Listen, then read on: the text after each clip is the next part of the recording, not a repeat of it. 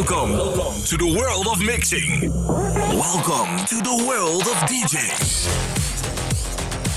This is Remixed. Welcome. This is Remixed. We are a podcast that gives you long conversations with big mixers and DJs that started off in the late 70s or in the 80s.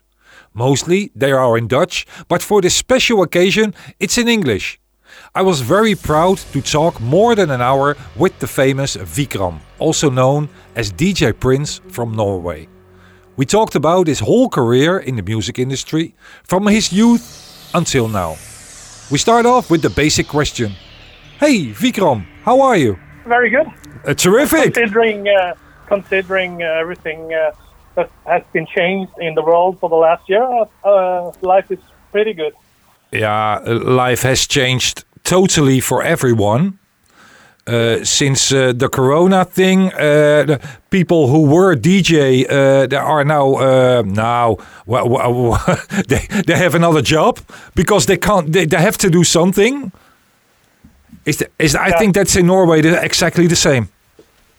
It, it's the same. Uh, but that's one last night I learned very early in my career.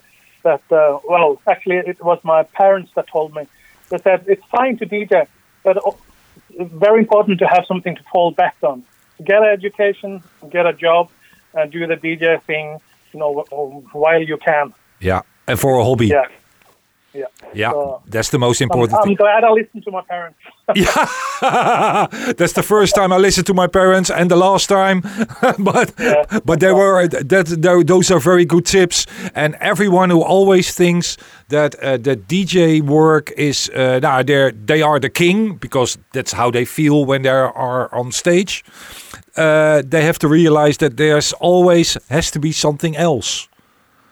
But Yeah. The, the funny thing is that when I grew up, uh, my parents didn't uh, take my DJ job seriously, and they were kind of laughing it off and uh, and giving me a hard time, you know, because it's not a respectful job. You can't make money off of it.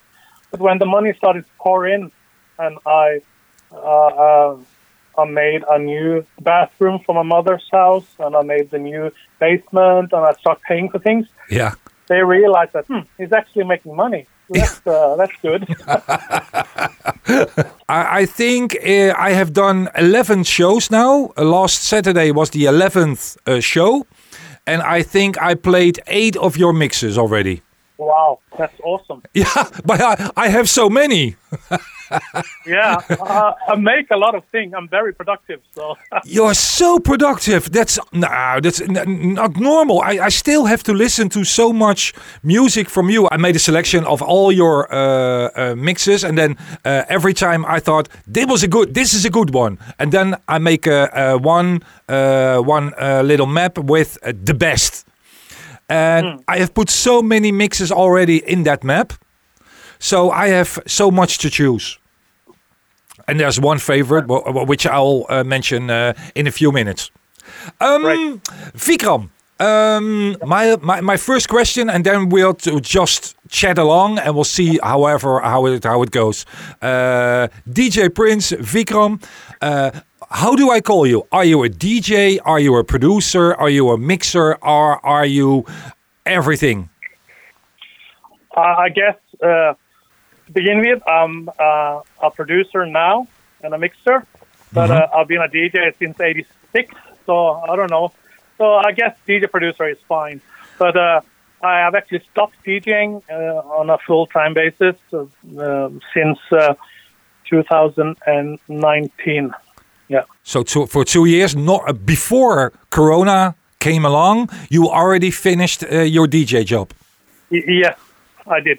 Okay, what was and the, the re- and, and the funny reason for that is, uh, of course, I'm I'm getting older, but that was not the reason. But uh, one of the reasons was that that um, uh, it it takes so much time to be kind of on top, uh, uh, on in front of music and listening and, and being on the edge, on and when in the club. Your children's friends are coming to dance. It doesn't feel right. so uh, then I thought, okay, it's better to step off. Uh, but I uh, do gigs occasionally, but I've stopped doing regular um, uh, regular gigs as uh, as resident. So I'm not a resident anymore. No, but that that means also that you don't have to go to the record shops and you don't have to go to Beatport every three days to see the the, the brand new songs to play the newest. And I, I know I only do maybe once or twice a week, but, uh, But you still do that? I still do it. But uh, because I like to, you know, to, to see what the sound is. And the funny thing is, you know, it's eighty percent of Beatport is is actually, you know, re, uh, recycled music. Uh, this other week, uh, there was a remix of Boney M at the top of Beat, Beatport, Yeah. which is like what? Boney M on top Yeah. of Beatport? Yeah, Rasputin. I thought I, I thought it was. Yeah, Rasputin. That's right. Yeah. Yeah. It's incredible that those songs come back again and become huge hits. Yeah, so so everything in dance music, there's very little little innovation and mostly recycle and p- uh, paying on people's nostalgic, uh, you know, what they kind of grew up with. Uh, but um, I guess that's how the industry is now. You know, it's same with the movies. You know, the movies are recycled as well. So, Yeah. Yeah, but is that uh, is is the, the main reason then that you uh, ha didn't have enough uh, enthusiasm uh, to play to, to do the DJing anymore because you already it already happened already. yeah, it was a little bit like being there, done that feeling. Yeah. But also, um, this is also maybe a sign of getting older. But the new uh, trap and mumble rap music, uh, I, I, I don't understand it. So when I can't relate to the music, but I don't like to play music that I don't personally like. Uh, I have a hard time of doing that. I can play uh, commercial stuff and cheesy stuff, but I have to like it. Yeah. If I don't like it, I can't play it. So, and there's very few kind of artist performance gigs in, in Norway where you can do your own thing and people you know, actually come and listen to what you're doing. So most most clubs in Norway are mainstream, so you have to adapt in a way. Yeah. So I felt that I, I couldn't adapt anymore to uh, the new hip hop, uh, trap, and uh, mumble rap thing, which I didn't have any connection with. So I, I understand totally what you mean, uh, but that means if there are uh, any, uh, I don't know how the festival year is in yeah, Norway. there's so, so many festivals right now in Norway. Ah, yeah, no, So- no, no, no, nothing. It's, it's uh, uh, of course everything is cancelled, uh, you know. But uh, but but there's a few few festivals, and I do some special uh, appearances um, uh, on uh, smaller festivals and when things are happening. Uh, but uh, normally I go abroad. Uh, I do some gigs. Uh, I have some friends in Italy and in Miami. So it's more fun to kind of go away, travel to DJ rather than playing, uh, you know, locally. yeah. So, Yeah, I understand. Let's go back to the history of DJ Prince because I y- everybody saw everybody saw your website on djprince.no uh, from Norway. Uh, you come from Norway and you're in the age now of right now. I'm actually, I turned 50 uh, in March. So, You turned 50 and I'm 53, so you're still a bit Yeah. younger as, as me. Just a child. But it means that every morning, if, if you had a long night, the next morning and the three days afterwards, you're still tired. yeah. But the, the funny thing is, getting older, you actually wake up earlier, Yeah, which I don't understand.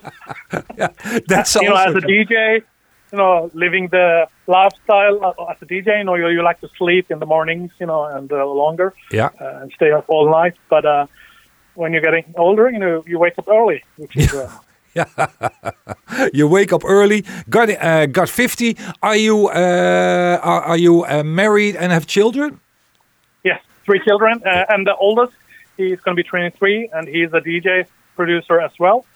Uh, and also he's going to school studying. Um, and the, the middle one, uh, he's uh, going to school. Uh, he's more of a programmer. Uh, and the youngest, uh, she's 17, uh, and she goes to school as well. So they're kind of all grown up. And they So do well. actually, I I have time now for you know DJing and Ah. doing You're doing your remixes or uh, or, or the productions. Yeah. Terrific. Now, great that to see uh, your uh, your oldest one is uh, is uh, being a DJ right now, and, and a producer as well.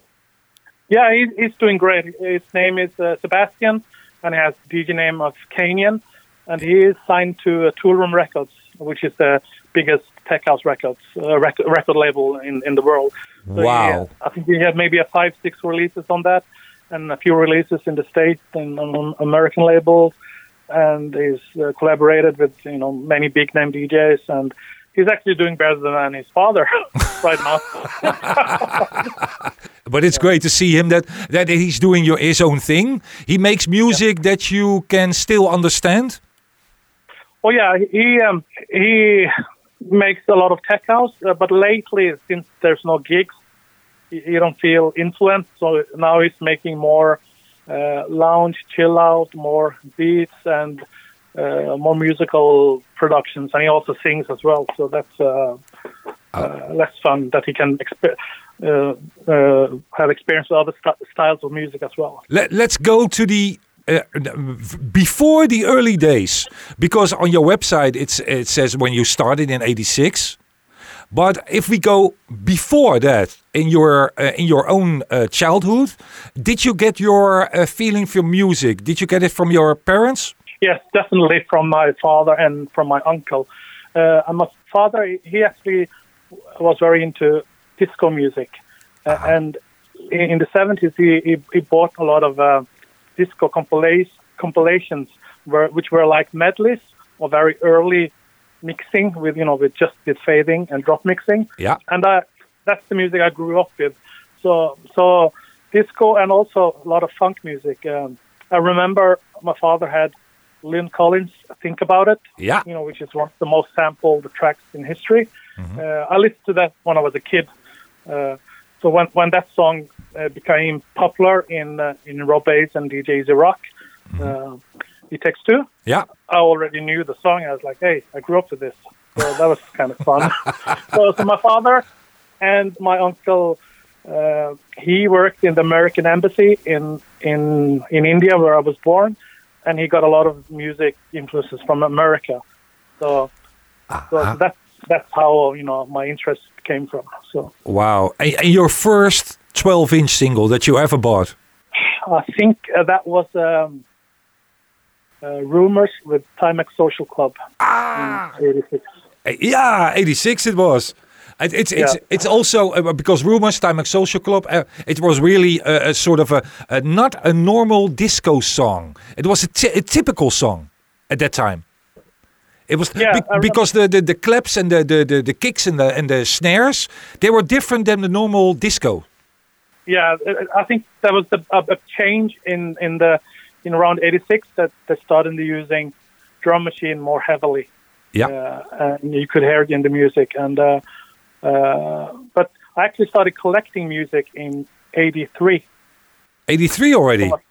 Yeah, so I, my first album was Thriller. Um, and my first seven-inch, I think it was, uh, I don't know, I think it was Thompson Twins. Um, In the name Uh, of love. No, no, not that one. I can't remember. Hold, hold up or something. Hold it now.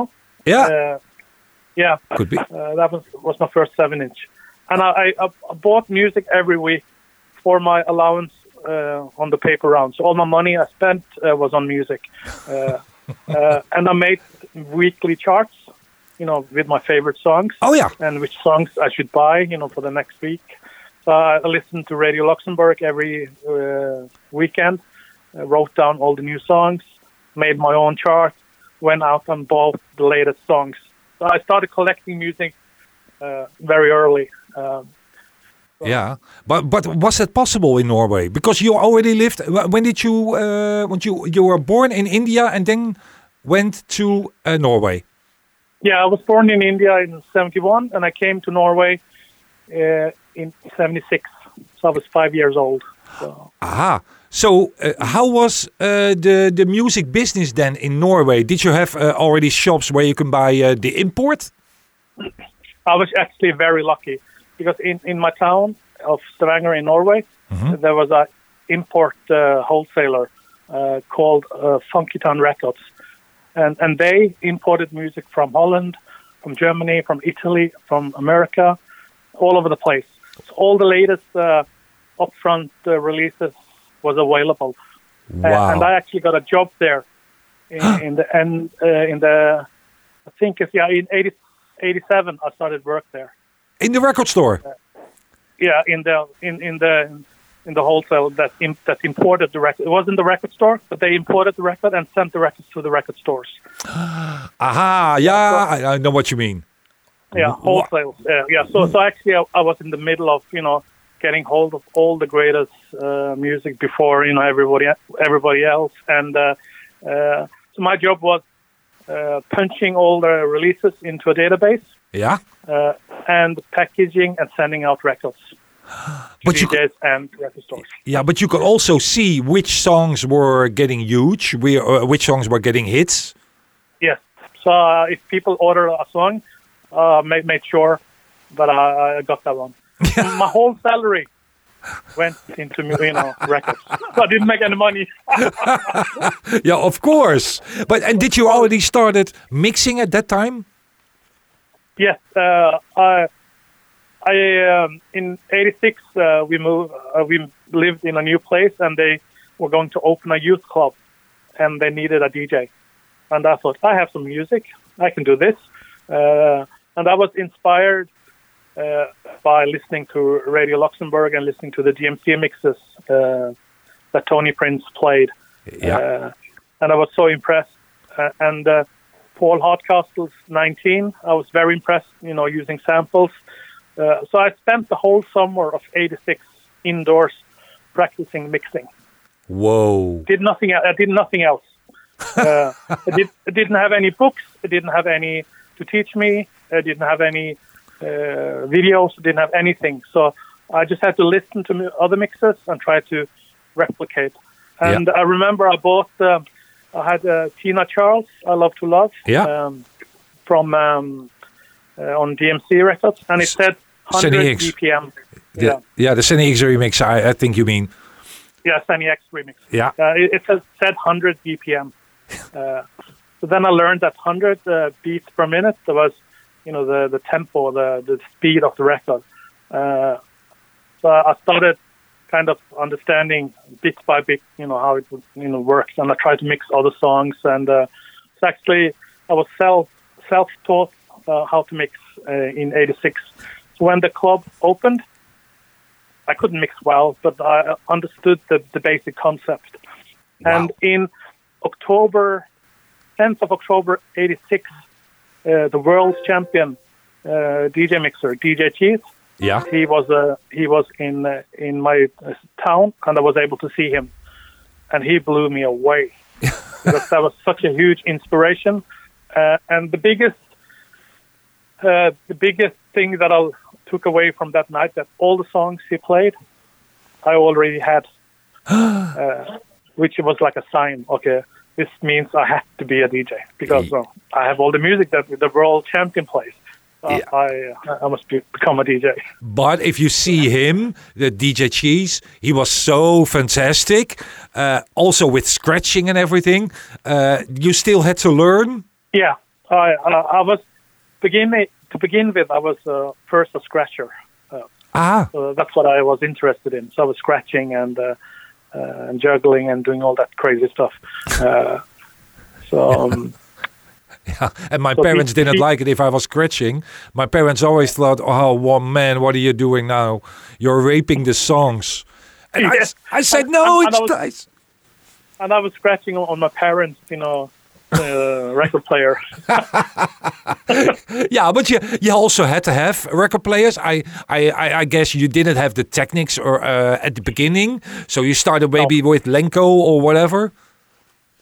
Uh, uh, the, the first uh, record players I had, I think it was called Shudenko 2000, which Yeah. is belt-driven uh, record player, which was not good. The, the first time I tried a Technics 1200 was in a DJ competition in '87. Uh, so that was the first time I actually touched a Technics uh, 1200. So Wow, but I, I didn't win. I came on, on second place because I was playing hip hop music and scratching. while the guy who won, he was playing uh, Taylor Dayne and uh, Rick Astley and the commercial stuff. Yeah. yeah, they could play that in a discotheque, and uh, ten minutes of you uh, with the, with all the scratching. Whoa, they couldn't stand Yeah. that then. Yeah, of course. No. no, it's it's um it, it's it's it's new. You start learning from the records you you find. Uh, there was no YouTube. There, there were no, there were no books. So everybody I- I've spoken to already uh, about uh, fifteen or twenty uh, guys from they started in the 70s or 80s they all had to start from scratch so they were their own uh, they had no teachers but it, uh, it's that's hard but it makes you so creative Yeah. What- yeah, it, it- it's kind of uh, kind of uh, discovering the wheel yourself, which is kind of a uh, it gives you kind of a fulfillment and a good feeling that you know to having that eureka, eureka moment. You know, ah, that's how it works. You know, Yeah. because you, you get an understanding which is a kind of deeper. Um, and of course, a lot harder because you spend much more time trying to decipher how things uh, are, are done. So, Yeah. Yeah, and I, I didn't look at girls any any at all. I went to the discotheque and only saw Peter Slaghuis, Yeah. for example, and I saw him live mixing, and I had no idea there were uh, there, there were girls in the discotheque, and other guys and other Oh. guys they were looking at the girls, and I thought, Jesus man, look at Peter, what he's doing right now. So that that, that makes us a bit makes us a bit special. I think uh, to to I think uh, initially all DJs, all kind of hardcore DJs are kind of nerds because they're so focused on the details and they're willing to spend hours and hours doing the same thing. Um, so you have to be a, nerd for that. Yeah. And um, yeah, Yeah, spending hours and hours for one good, um, how do you call it? For for make one good mix, uh, one one one good mix for to another record. I could spend hours and hours just for that one moment where they where they are completely together. Uh, th- th- Yeah. That's so I, strange. I, I, yeah. I remember the first time I made a perfect uh, beat match. Yeah. I recorded it. It, it was a Run DMC Walk This Way with uh, the Pointer Sisters Gold Mine. So I was able to mix them perfectly, per, you know, the first time. And I played this tape to all my friends, and they didn't understand it, you know. But I was, I was so happy.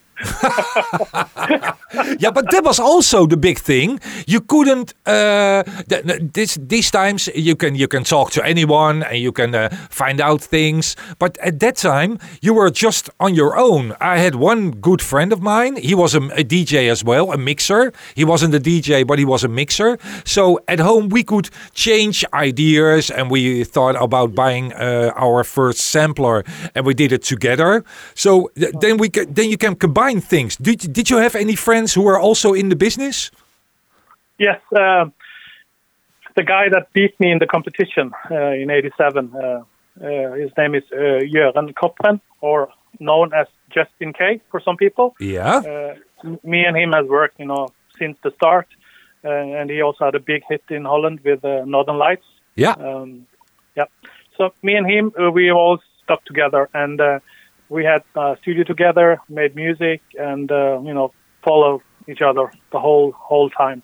And he's still one of my best friends today. So, Wow. uh, so, so me and he, uh, him started to working uh, at the youth club together, uh, where where we have an Akai S612 sampler, uh, and we have a Juno 106 synthesizer and a sequential drum machine yeah.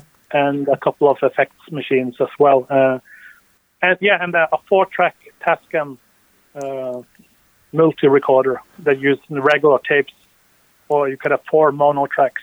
Oh. We started there, and later we moved on to Akai S950 uh, sampler, and um, That was a lot better. There and eight eight-track reel-to-reel recorder uh, with sync, uh, MIDI sync with uh, an Atari computer. But what, what what what did you do with the first mixes you made with the the Akai 612?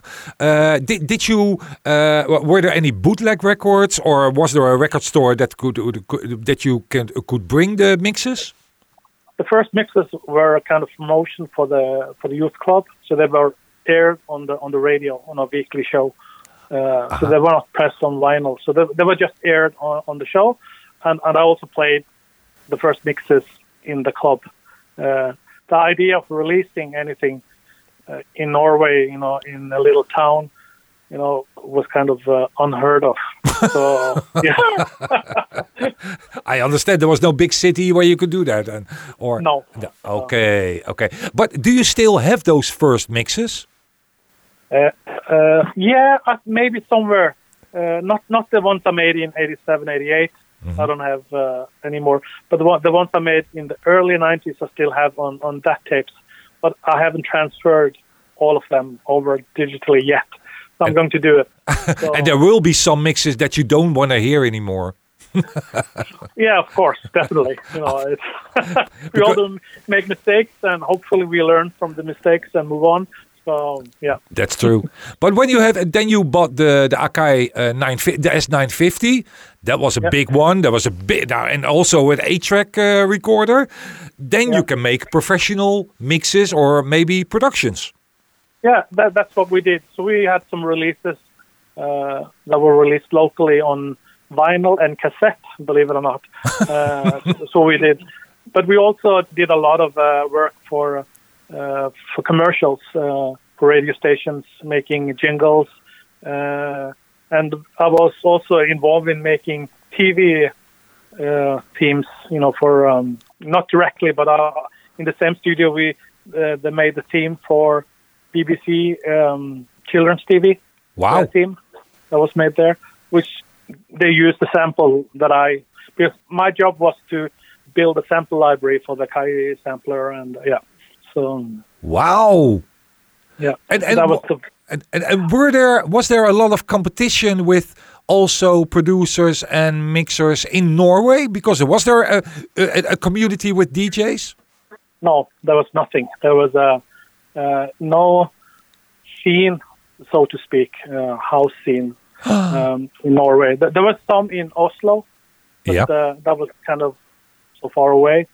And uh, begin with in in the late '80s, I was more into hip hop, and then I moved over to uh, house music.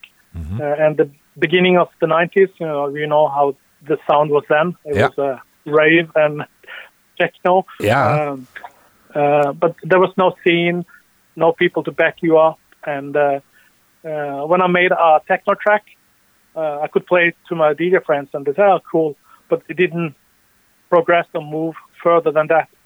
So, so I made a lot of tunes that sounds legit. I could be released that time, but I didn't have the connections and didn't have, you know, the people to kind of uh, release it. So. Um, was there, was there uh, a, a thought of you that, uh, that or, or a bit of you a, bit of you that thought let's go to England or let's gonna live in Holland or Germany or whatever? yeah, I wanted to move, you know, since uh, it got into DJing. You know, I said if I want a DJ career, I have I have to move. But uh, a friend of mine kind of dragged me uh, to Mallorca, which I, I didn't want to because um, I saw it as cheesy, you know, going to uh, to to Mallorca, and and he said that he already spoke about me to the people down there, and Hey. he wanted to pay for the trip. Wow. And I said, okay, fine, I'll join you. So, so when I came to Mallorca, I was able to do um, audition as a DJ, Yeah. uh, and they and they put me on four o'clock in the morning in uh, in uh, Riu Palace in Wha- Mallorca. Wow. is a huge nightclub. Yeah, and uh, and I DJed, and I remember this was this was in uh, 90, 89 or ninety hmm uh, and I played, you know, house music and the music that was, you know, popular, and I started to lose the dance floor, uh, and then I remember I put on. this is embarrassing, but um, uh, I put on UB40 Red Red Wine, and the people went crazy. No. Yeah, it was Germans. You know, the German tourists were there, uh, and uh, and uh, and after that, I could start to build it up again with you know with house and rave and everything. And uh, and the management was really impressed because I, I was willing to take that chance to play something different to bring the crowd back. And uh, so I got a residency there each year until 1995. Wow, you got a residency there, and did you play then Yeah. a few weeks every year? You came there in Mallorca. Yeah, every summer, every summer uh, uh, from from 90 to 95, I uh, I played uh, for for that agency. So sometimes it was at Riu Palace, and uh, other times it were Paradise, another club.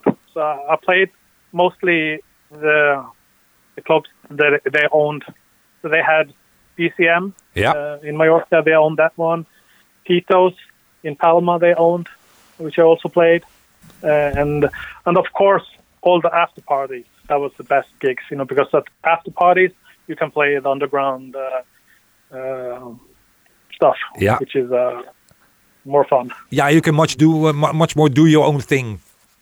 Yeah, Yeah, that's uh, true. more deeper and uh, yeah, a little more slow because uh, at the mainstream clubs uh, the the tempo was uh, very fast.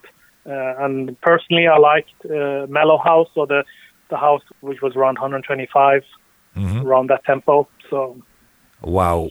But then you learned in five years, you learned so much. Oh yeah, uh, I got so many connections and friends uh, from DJing in Mallorca. So all my Dutch friends, you know, uh, that are big name DJs now, I met in in Mallorca because they were hired to DJ. The Yeah. Klubbheads, that's where I got to know them. Yeah. And uh, yeah, Yeah, so because with the Klubbheads you made, uh, you, you came involved with the Klubbheads uh, together with Justin K.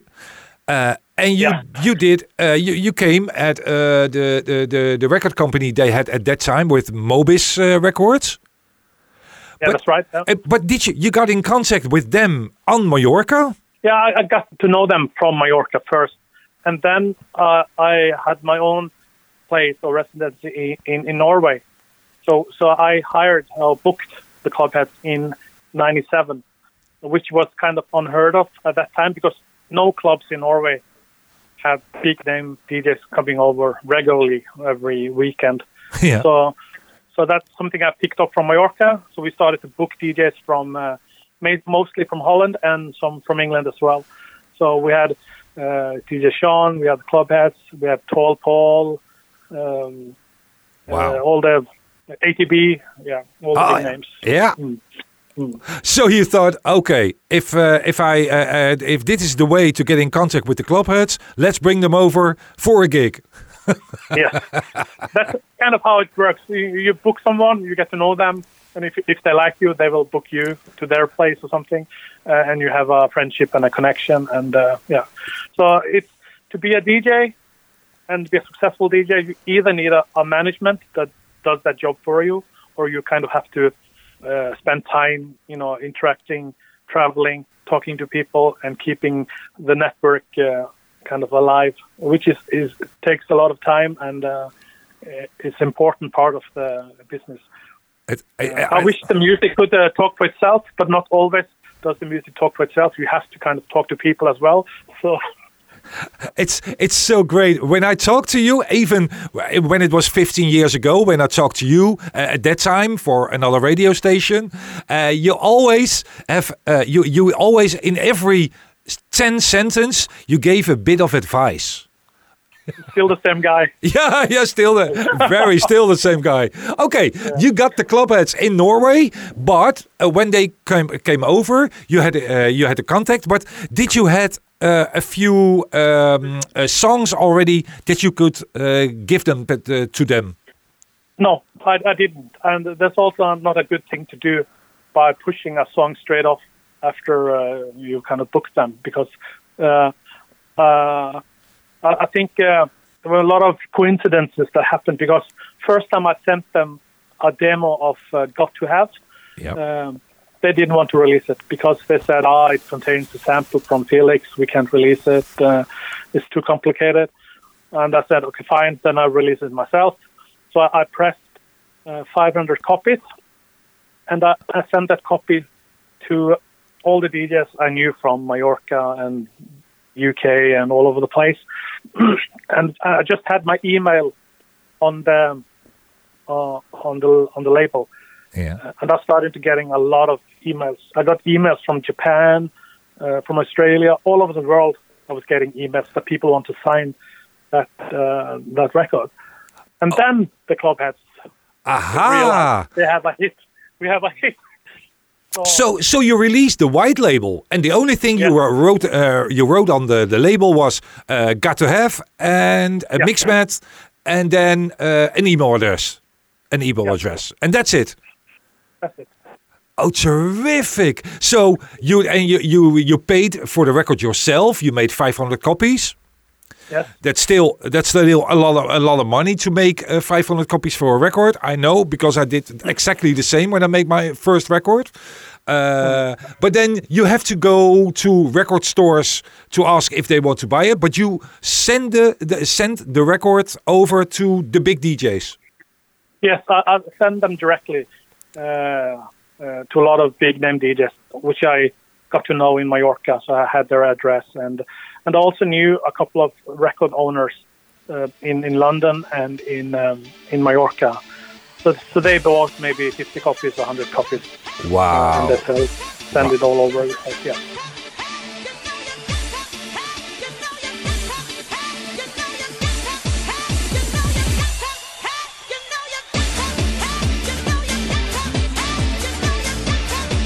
Um, uh, th- th- there is a sample in the the record. Uh, Felix, don't you want my love? How did you get it cleared? Yeah, that the clearing was actually done by Mo'Bizz or Digidance, the record label. So they cleared the sample and paid. Uh, I'm not sure how much it was, but it was it was uh, Okay. tens of thousands of euros. If you uh, look back at that time, was it uh, yeah uh, was it uh, the sample that made the big hit, or was it a combination of the whole song? I think it was the combination of the arrangement uh, and the energy of the song. So, so each, each part of the song played a, a role. Um, so I, I remember actually when I made it because uh, I've been interested in, in harmonic mixing uh, since the 80s. So, so after I learned how to beat mix, I wanted to learn about harmonies. Um, so, so I was actually uh, finding songs mixed in harmony, and then I uh, picked two or three songs, Yeah. which eventually became "Got to Have." Uh, so when we went to studio, we have to recreate uh, the drums, the bass line, all the instruments, but we couldn't. We were not able to to um, to recreate the Felix sample um, because um, we di- we didn't have the um, uh, didn't have the original synth. Uh, we were pretty close to recreating it, but was it wasn't it wasn't uh, close enough. Yeah, you, ha- Um, you had no plug-in at that time. No plugin, no VST, no nothing. So you had to make it yourself, and then it's very hard to make the sound exactly the same. Yeah, yeah, because uh, the, the original sound from Felix uh, was from a Roland JX um, one uh, synthesizer, Yeah. uh, uh, organ uh, organ, organ sound, um, uh, and they actually processed processed very little. You know, so when you li- listen to the original Roland uh, JX one sound, it's Felix straight off. So uh, Aha! The the got to have uh, became a major hit. Uh, you wrote it on your website. Sixty compilations around the world. yeah, probably more sixty that I know of. Well, yeah, probably more. I, I know what you mean. There could be one, a, a few in Mexico or whatever that you don't know of. That's right. Yeah. If you make such a big hit, is that the time that you think by yourself, "Wow, I'm a god. I can do anything. I'm gonna buy a, a big house, a big car." Yeah, we actually got the interview by a, a Norwegian paper, and they asked, "What you going to do with all the money?" uh, and um, at that time, I worked with Justin Kay and another friend of mine, and uh, and I said I want to buy a house, and my friend um, K-Mix, he said, "I'm going to um, drink them all up and party," which actually what he did. it was really what he did. He did it, yes. Uh, but you are the, the smartest one because if you bought a house, that was the best thing as an investment. So, uh, so uh, in 2001, I was in the middle of uh, kind of a difficult time as a DJ because I had a great success with the song.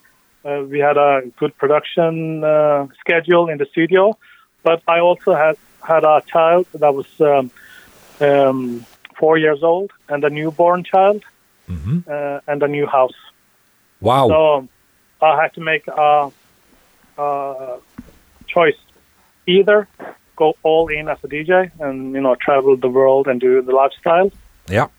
or just do it as a hobby and have a day job and be a father. So I actually choose to be a father and have the day job and kind of tone down the DJing, which is kind of strange. So when you have kind of a hit on your hand and you make that choice, but today I don't regret it at all because uh, uh, to be be there, you know, for the family and the children is something you won't get back. Yeah. Um, And, and but you could still make your music. Okay, uh, okay, in another way because you you, you make uh, your music for a hobby. Because you made you're so productive in uh, remixing and mashup and whatever. Uh, you send me so much mixes. So you didn't sit still the last uh, 20 years. No, I do a lot of work still today, and I release music under different names, and I, I help other DJs and producers, uh, and I'm still very active. Uh, uh, I'm now currently signed to um, Full Dance Records in Italy. Yeah. I release uh, under the name The Blast Masters, uh, and I've done things for um, Steve Silk Hurley's label in Chicago, SNS Records. Did you work for Steve Silk Hurley? Yes, Wow. He, Which he crazy. called you. He's uh, one of my big idols. And currently, I'm working uh, with uh, American. He's uh, actually the lead singer of Four Tops, Alexander Morris. So I'm working on a it's a more soulful house track. So I'm working on that now. Um, but is there still an ambition? uh, kind of uh, something inside me always hungry for recognition and uh, uh, and, uh, and and getting you know more uh, exposure. But uh, in the end, I'm doing this for myself. You know, I, I'm I'm making music that I love. I love to mash up. I love to remix. I lo- love to produce music. Uh, that's the first thing. And if someone happens to like it, it's a really big bonus.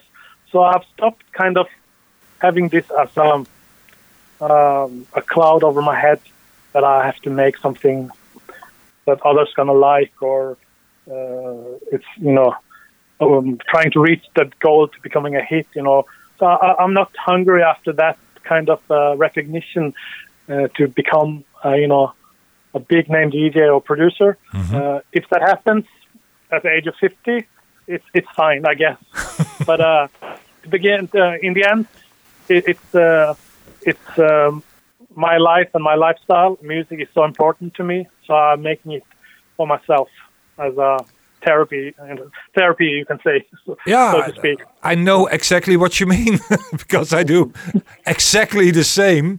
Uh, making music, or for making music, or making my radio shows, or uh, doing the podcast is just for fun. Uh, the- you earn nothing with it, but uh, uh, the, reactions are so great. And if I get a reaction from someone in uh, um, Switzerland or Israel, then I'm Yeah. s- so excited. That's much, uh, much more uh, energy gives me that than uh, uh, to earn uh, 200 euros for a DJ gig.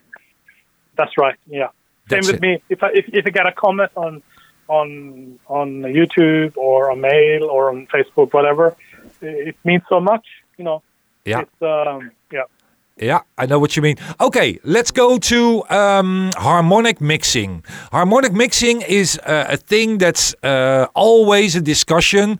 The, the the last, I say, I think about twenty years, people are really getting into harmonic mixing. But you did it already a long time before that. Yes, I, I, I started um, noticing when I was beat mixing some tracks, uh, I, I couldn't hear which one was going fast or which one was going slow because they blended so well together. And I couldn't understand that. This was maybe back in 86, 87.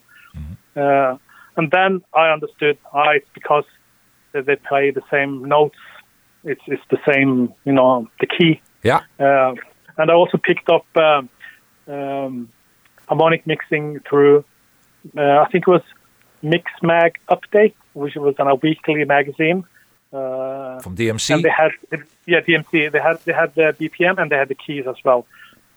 And then after that, I went to the library and I, uh, I borrowed a lot of books on music theory, on on music with the uh, the notes and the notations of pop songs because the key was in front of his songs, and I started try try to mix them together with the same key, and it sounded beautiful. So so so, so the music music theory was you know, actually a self study as well. Uh, and then my first website was online uh, in '96, and I had some of my theories or ideas on harmonic mixing uh, online uh, since '96. yeah. And in 1999, I, made the first database so you can search and match songs that fitted together.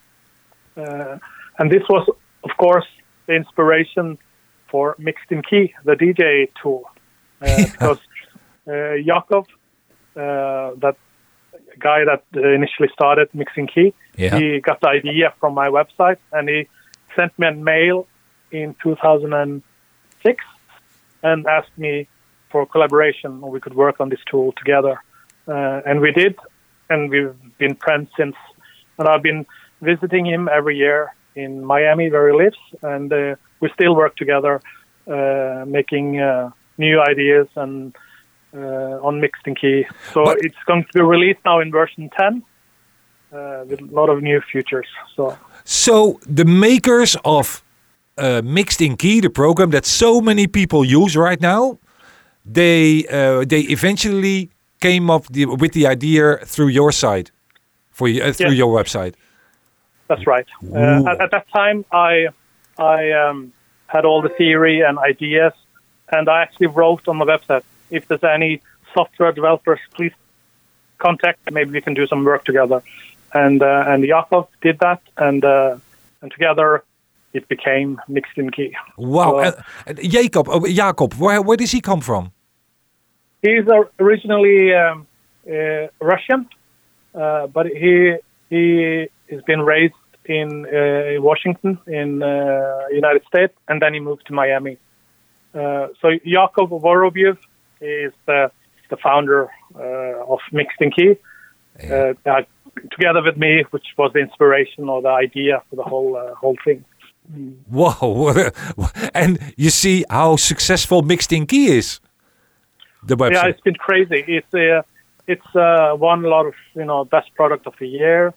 Uh, I guess most DJs uh, have used it or are using it today, uh, and it's kind of changed the industry or, or the DJs in a while because mixing sounds a lot. The mixes sounds a lot better than they are in in harmony. yeah. So, so it, it's been amazing. So, so I feel my legacy is kind of uh, I've achieved. I have achieved kind of my goal, which is to leave a kind of a footprint in in in the DJ industry if, of something that I've contributed in, and I believe mixing in key has been uh, the most important thing that kind of people can remember me by.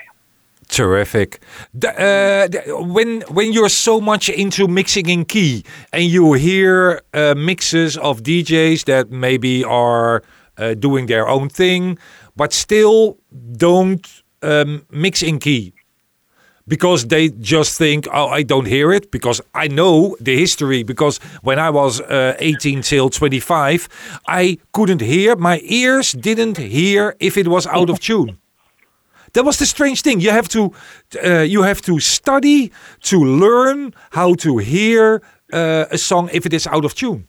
Yeah, I think uh, in the end, uh, there's been a lot of discussions around this, but in the end, it's the music that the DJ play which is right uh, at the right time for the dance floor.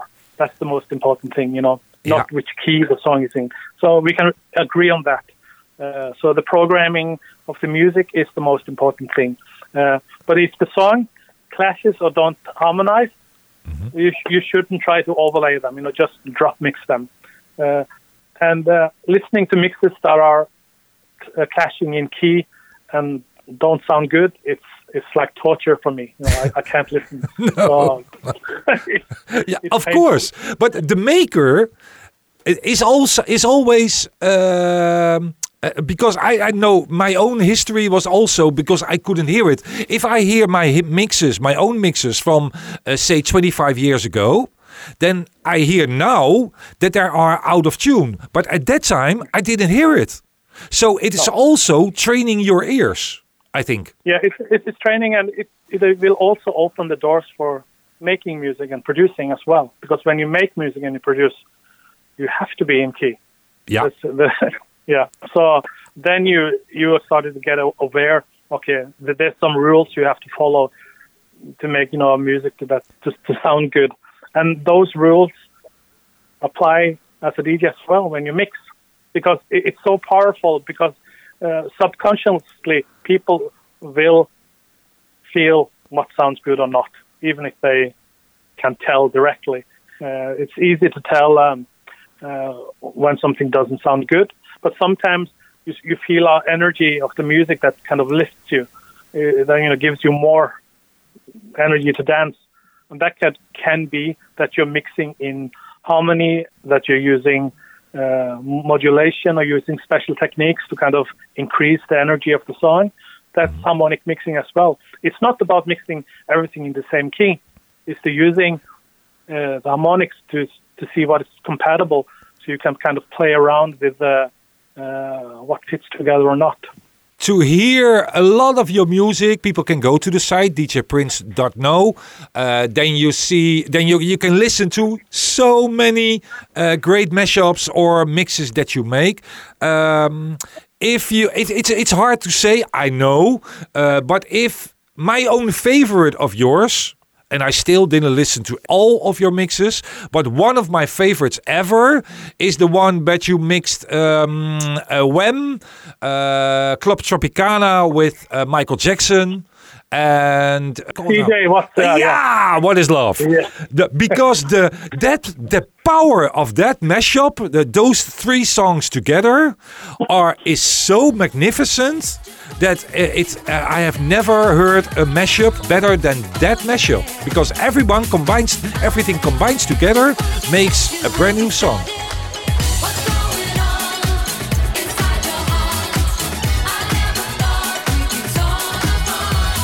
Yeah, that's uh, was also a idea behind it. There's actually a funny story with that mashup.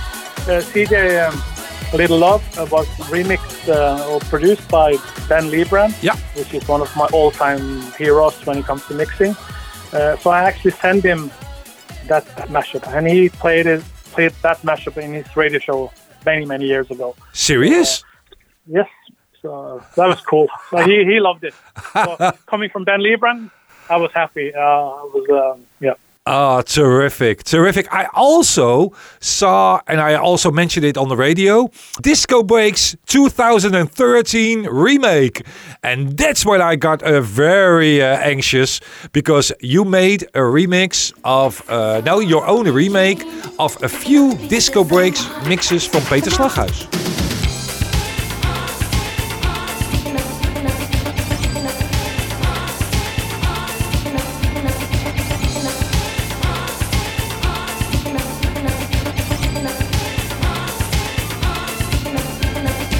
Oh yeah, that's right. Uh, uh, one of the hard to get uh, bootlegs of the 80s was Disco Breaks 10, Yeah. which was a kind of a hard to get 12 inch. Yeah. And a friend of mine had it on tape. Um, uh, so, so I listened to that and I loved the tracks and the mixing. And uh, eventually I got hold of the, the 12 inch, but the sound quality was not so good. So I wanted to remake it, you know, with better sound. Uh, so it's, a, it's kind of my tribute to the original, no, but with a better sound. Yeah, but you didn't make a complete remake because you also used uh, bits and pieces from uh, the uh, the other disco breaks, disco breaks eleven. You used that as well in the same mix. Yeah, that's right. so, yeah. it- I, I had my own take on it. So, so there were songs from you know, so many Jellybean, yeah, Rochelle, the Thompson Twins, um Janet Jackson, Rick James, um, DeBarge. There's so many great uh, songs from that era.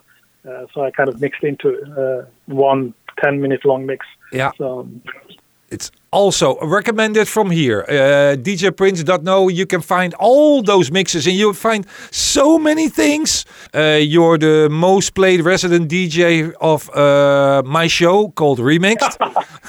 uh, thank you very much. I'm glad to hear it. Every week we're uh, being played on uh, six different radio stations in Holland. Is there still some? i- i- no, is there a hero where you want to work with still in your DJ period? Oh, there's so many, and uh, the the thing is so crazy. You know, when we get older, that a lot of your childhood childhood heroes, you're able to kind of have a, get to know and talk to. So, so Ben Liebrand, I talk to him once in a while, Yeah. uh, and a lot of others. You know, Michael Gray and uh, and uh, even Paul Hardcastle. Uh, I've got to know, but I, I haven't actually have a collaboration with any yet. So maybe that could be the next goal. I have a colla- collaboration with uh, some of my heroes. Did you ever talk to uh, the makers of MARRS? Pop up the volume.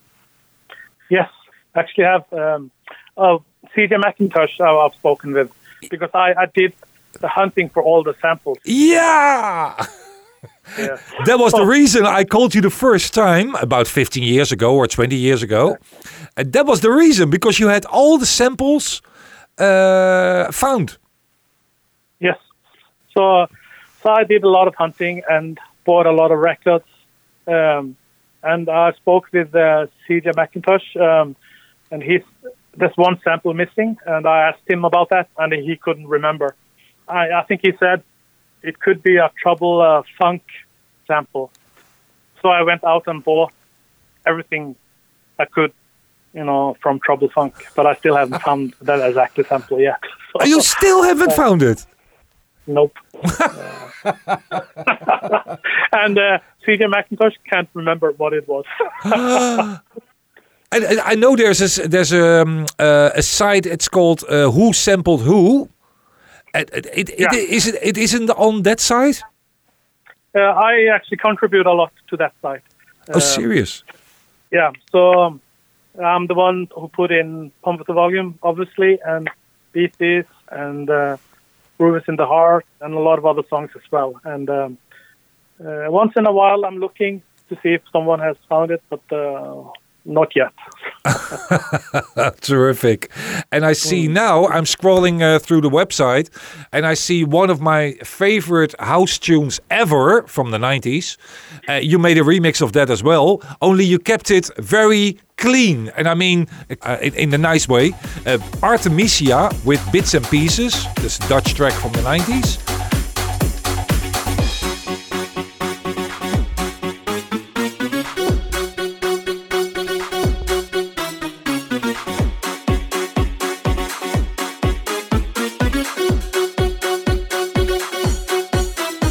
And, the re- reason, funny reason I re- remixed that, I was DJing uh, uh, around three, four years ago, and one of the the customers came and asked me for that song.